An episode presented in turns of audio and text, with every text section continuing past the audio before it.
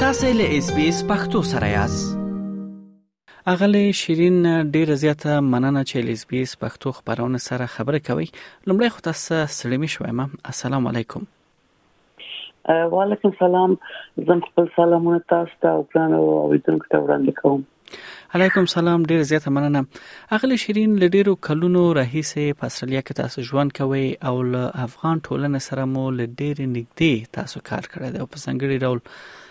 دلته پښتانه چې اوسېږي له غوي سره تاسو خدمات ورته وړاندې کړی دي او کار کوي لږ څه خپل په اړه باندې معلومات راکړئ له سمو دی راهیسې په استرالیا کې ژوند کوي او کوم داسې کارونه مو تر دې دمه کړی دي زه تقریبا څلور چې پنځه کال هیڅ استرالیا کې اوسېږم او مال شرونه سره غلې ما ول د زبې په تقریر لپاره چې انګلیسي کورسونه مې نیولي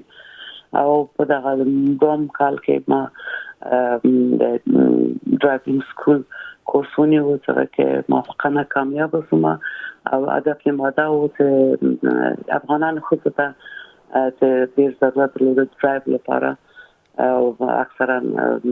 فامیلونو اجازه نه ورکول خو ته چې ناري نه وسره ډرایو تلارسي نو دا یو مفکوره ماته پیدا شو زه باید هغه کورس وایم او لایسنس واخلم چې کورس مکولای افغانانو خزه ته خصوصا پښتنو ته یو خدمت وکم نو هغه تقریبا ډیر کلونه ما ما ډرایوینګ سکول مخکې به و او زه فکر کوم چې یو خدمت ورته کړی مې ده بیا ورسره د غینم ځین نور کورسونه چې ډیپلوما د چلډرن سرویسز دا شان ما خېستې دي او په مختلف خدماتو کې کار کړی یونیورسيټي کې مې کار کړی پی ټو ټویلف کالج یو مکتب دالته پاسه ملټي لنګول ټیچر غونډه مې کار کړی او د 2019 نه د سټیزنشپ کورسونه مخکې نه هغه کسان چې امتحان ته ځي د هم د خزو لپاره ده دا ځینې نور کارونه مې خو خو کړی دي خو ما یې دا ډیر ښه البته دغه هر کار ذکر چې تاسو وکړ خپل ځان ته ارزښت لري او ډیر زیات مهمه برخه دي تاسو پیل خپل د کارونو له ډرایوري سره کړی دی چې دلته هغه میرمنو ته تاسو ډرایوري ځکه کوم چې دوی یو سات ضرورت لري لاغې نو وروسته تاسو د ژبې خوانځي کې د ژبې استاد شوي او اوس د استرالیا د تابعیت ترلاسه کولو کورسونه تاسو دایروي هغه هم مرمنو لپاره اغلی شیرین دغه ټول خدمات چې تاسو تر دې دمه ورکړي دي که پلانډه دا وایي چې د افغانانو په یا د پښتنو په ځنګړي ډول په میشتدنه کې څومره مهمه رول لوبولای دی او آیا میشتدنه د ډيري پښتنو مرمنو په ځنګړي ډول دا په اسانۍ په استرالیا تر سره کې یا په استرالیا کې ول که د څه ورته په ځیر سره وګورو اکثرا موږ پښتانه کورنۍ چې خپل ته راځي د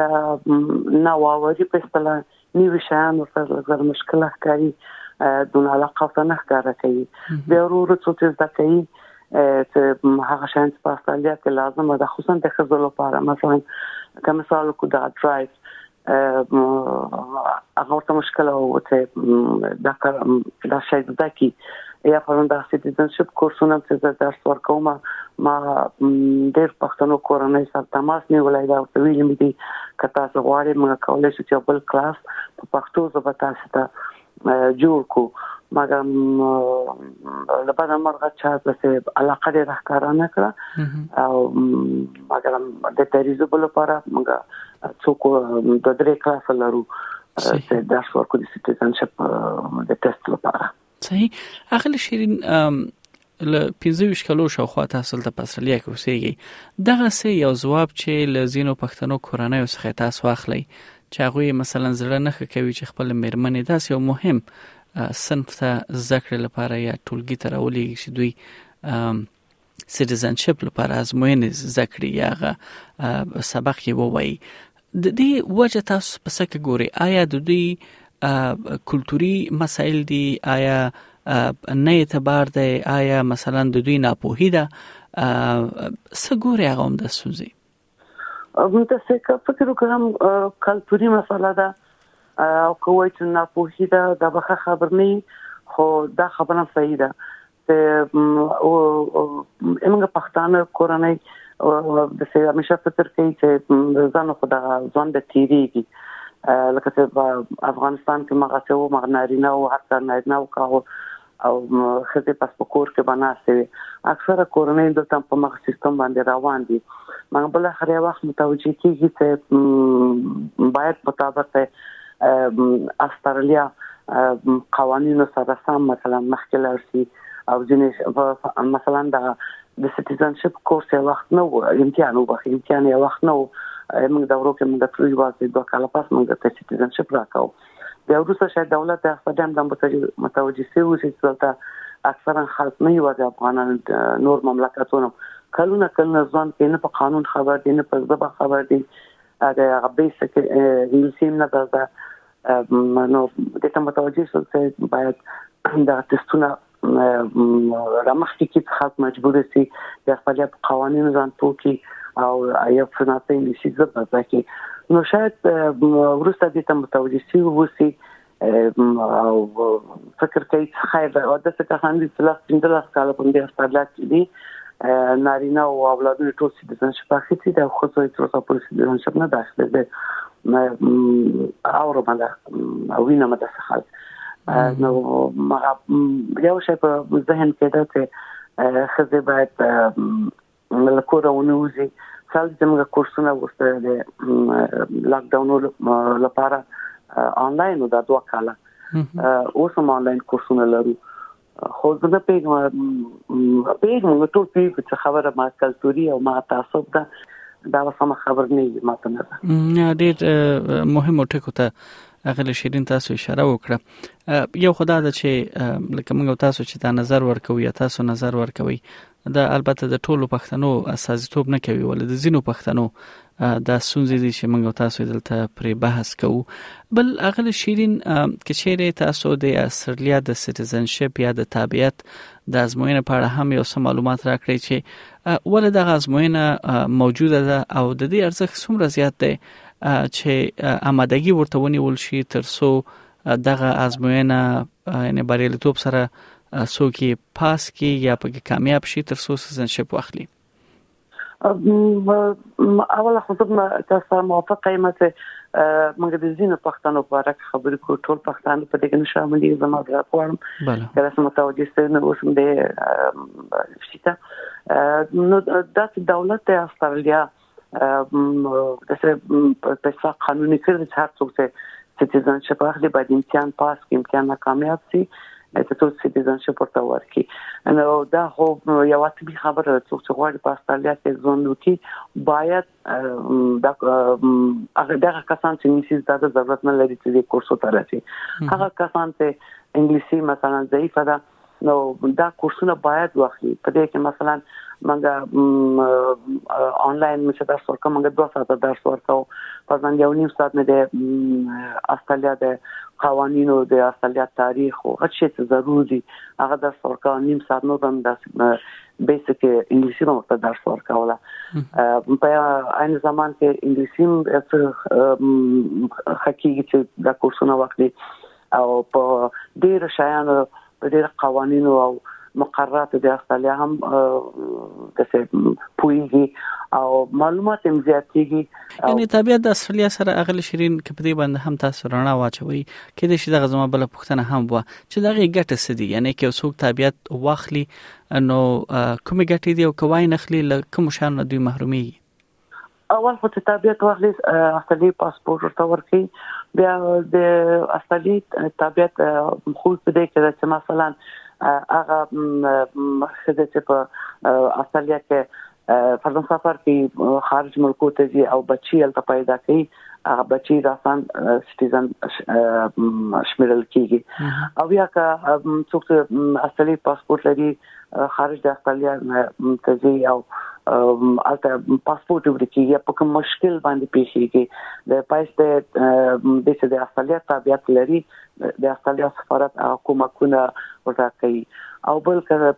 پاسپورت اصلي پاسپورت ولري تابعیت استرالیا ولري او په خیر مقصد تابعیت د استرالیا د کولای شي چې په دولتي ارګنایزیشنو کې کار کوي چې مثلا سنټر لینګ میډیکیا یا ډپارټمنټ د وزارت د دفاع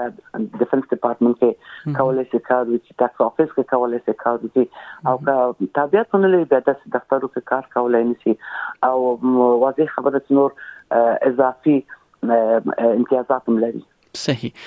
یو شی چې زغواړم په کې اضافه کوم غلې صفه چې خلک حد اقل د رای ورکولو حق هم دوی ترلاسه کوي او بخې ما بیا دا اوس ونه خواهش کوم بله هو دغه یو څه ما پکې اضافه کړ اغل شیرین بل دا ده چې دغه کورس چې تاسو دایروي د طبيعت لپاره د د موده سمروي او په سمره موده کې یو څوک چیرې د انګلیسي ژبې مشکل هم ولري اول خدا که تاسو روښانه کې چې آیا د طبيعت آزموینه چې ده د آیا یوازې په انګلیسي ژبه ده یا په نورو ژبو باندې هم ده برابرې دی شي او که په یوازې انګلیسي باندې وي نو څنګه آمادګي تاسو د ژبې او هم د طبيعت یو چاته ورکوي او اوسط یا په منځني کچه څومره وخت نیسي چې یو څوک د دې آماده شي چې امتحان ورکړي دا خو فرق د انسانانو په د شاګردانو په بکګراوند څخه هغه کسان چې په خوای مخ نه تحصیلات درلودلي وي خپل وطن کې بیا راځي دلته یو څه انګلیسي زده کوي بیا ورته اسانه چې دا شان زرواخ زده کی ما ما تجربه ده چې شاګردان چې یعنی اکثره اصلا مکتب ته نه دي نه پیږي قلم مثلا څنګه په لاس کې ونیسي او دغه د مغز د تامده نه دي چې یو شی نوې شی زده کی یعنی د شاګردان موږ د لوده چې اصلا نه پیږي مثلا پارلمان نه پیږي چې وای یو کال زحمت چې دوی په دری باندې خپل ځبا باندې پوسی چې مثلا کوتا فرق چشته وای بیرق ولستا یا مثلا پارلمان چشته وای یا فرق د لا او کانسټیټیوشن چشته وای کنه یو کال چې ونیو ته په دری باندې د ایلا پوسټ مغزه خلاص ول دوام کال باندې بیا موږ زیاتره توجه په انګلیسي ورته کوله چې باید دې انګلیسي کلمات زده کی دا کال چې تیر شو 2022 کال تقریبا 14 شاګردان امتحان د موږ پاس کړو موږ خوشاله یو خوشاله دي ان ډیر زیات سخت ساعت ته غوتم او موږ هم ته د کوشش کاوه چې یو یو چاره او تاسو څنګه پېښ یو معلم یو معلم خپل پیګي د خپل شاګردانو توانایي څونه د پڅ رقم غوته درس ورکي او هدف د معلم ورته خبردار چې شاګردان پوسی نو دا هغه شیرین په لاهور واقعا چې ډیر زیات ښه خدمات دي ک یو دیوان هم رڼا واچوي چې کله چې تاسو شاګردان یا زکون کې ځان ته جذبوي په کوم شرایط تاسو منئ یا دغه هغه الیجیبیلیټي کرایټیریا څه ده اول دا ده چې آیا په دې فیس اخلي او کنه اول په اونۍ کې څو ورځې وي او څو مودې لپاره وي څونه وخت لپاره وي فعلا خو اصل ته زده کوونکي څنګه قبلو مقصد په اصلاح شي میډیکل کارت باید ولري یعنی فرمز ريزيدنسي ولري دغه قانوني اصليت راغلي وسی دا یو شرط ده په اونۍ کې نظر په تعداد د شاګردانو ده پروسه کال په هفته کې موږ په اونۍ کې دوه ورځې موږ درس ورکاو انلاین او ساکالم د تجویز نیول لري چې 15 ساعت چې په سنت کې په ټولګي کې شاګردان راشي او هغه موږ متاسفانه اکثره موږ شاګردان وړو بچیان لري چې درایو نه درته چې مثلا راځي زه خواهش ته غوډه ده که هم دا انلاین وسی دا بخي خو تر څه پورې دا تیر هفته د همدغه هفته چهارشنبه ورځ موږ میټینګ درلود په دې باره کې موږ خبرې وکړې اند هفته معلومات انلاین یو څه کړه او بل دا کورسونه مفت دي فری دي فیس شي نه لري او کچېرې څوک غواړي چې د دې برخه شي نو لچا سره اړیکه ونیسي کولای شي چې ما سره اړیکه ونیسي هغه کانټاکټ پرسن زه یم واسه افغانان دي اکثرا بیا نه پیږي په انګلیسي باندې او بل دا ده چې یو څه باید اوریدونکو ته د یادونه وکړم چې تاسو دغه صنفونه دا مهال موږ تاسو وکټوريا ایالت د استرالیا لغیز څخه خبرې کوو نو کېدای شي ورته صنفونه په نورو ایالتو کې هم وي ولکه هغه اوریدونکو چې وکټوريا ایالت کې میشت دي نو هغه کولای شي چې اغلې شیرین سره په تماس شي نو اغلې شیرین اوریدونکو څنګه تاسو پیدا کی دغه نوم د سپرینګل لرننګ اکټیویټی سنټر یو کمیونټي د سپرینګل کې هغه ته فند اخلي او د کورسونه دی ښه ډیر ښه ډیر ښه بیا هم نړۍ مننه اغلی شیرین البته معلومات زیات دي خو د خبرونه وخت کم دی لبد امرخه نو بیا هم ک سوګ لیواله وی چې لا ډیر معلومات واخلي سیزنشپ پاړه باندې او یا غواړي چې هغه ذکر پیل کړي نو لتا سره د پاړیکه کې شي چې هغه هم د سپرینګ ویل لرنینګ سنټر دی اکټیویټی سنټر ها لرنینګ او اکټیویټی سنټر چې سپرینګویل کې دی لغې لارنه هم تاسو پیدا کولای شي نو نړۍ مننه له دغه معلومات نه او تاسو ښه چار ولرئ تاسو هم مننه که غواړئ دغه سنوري کیسې هم او رینو د خپل پودکاسټ ګوګل پودکاسټ یا هم د خپل خاكي پر پودکاسټ یو اورئ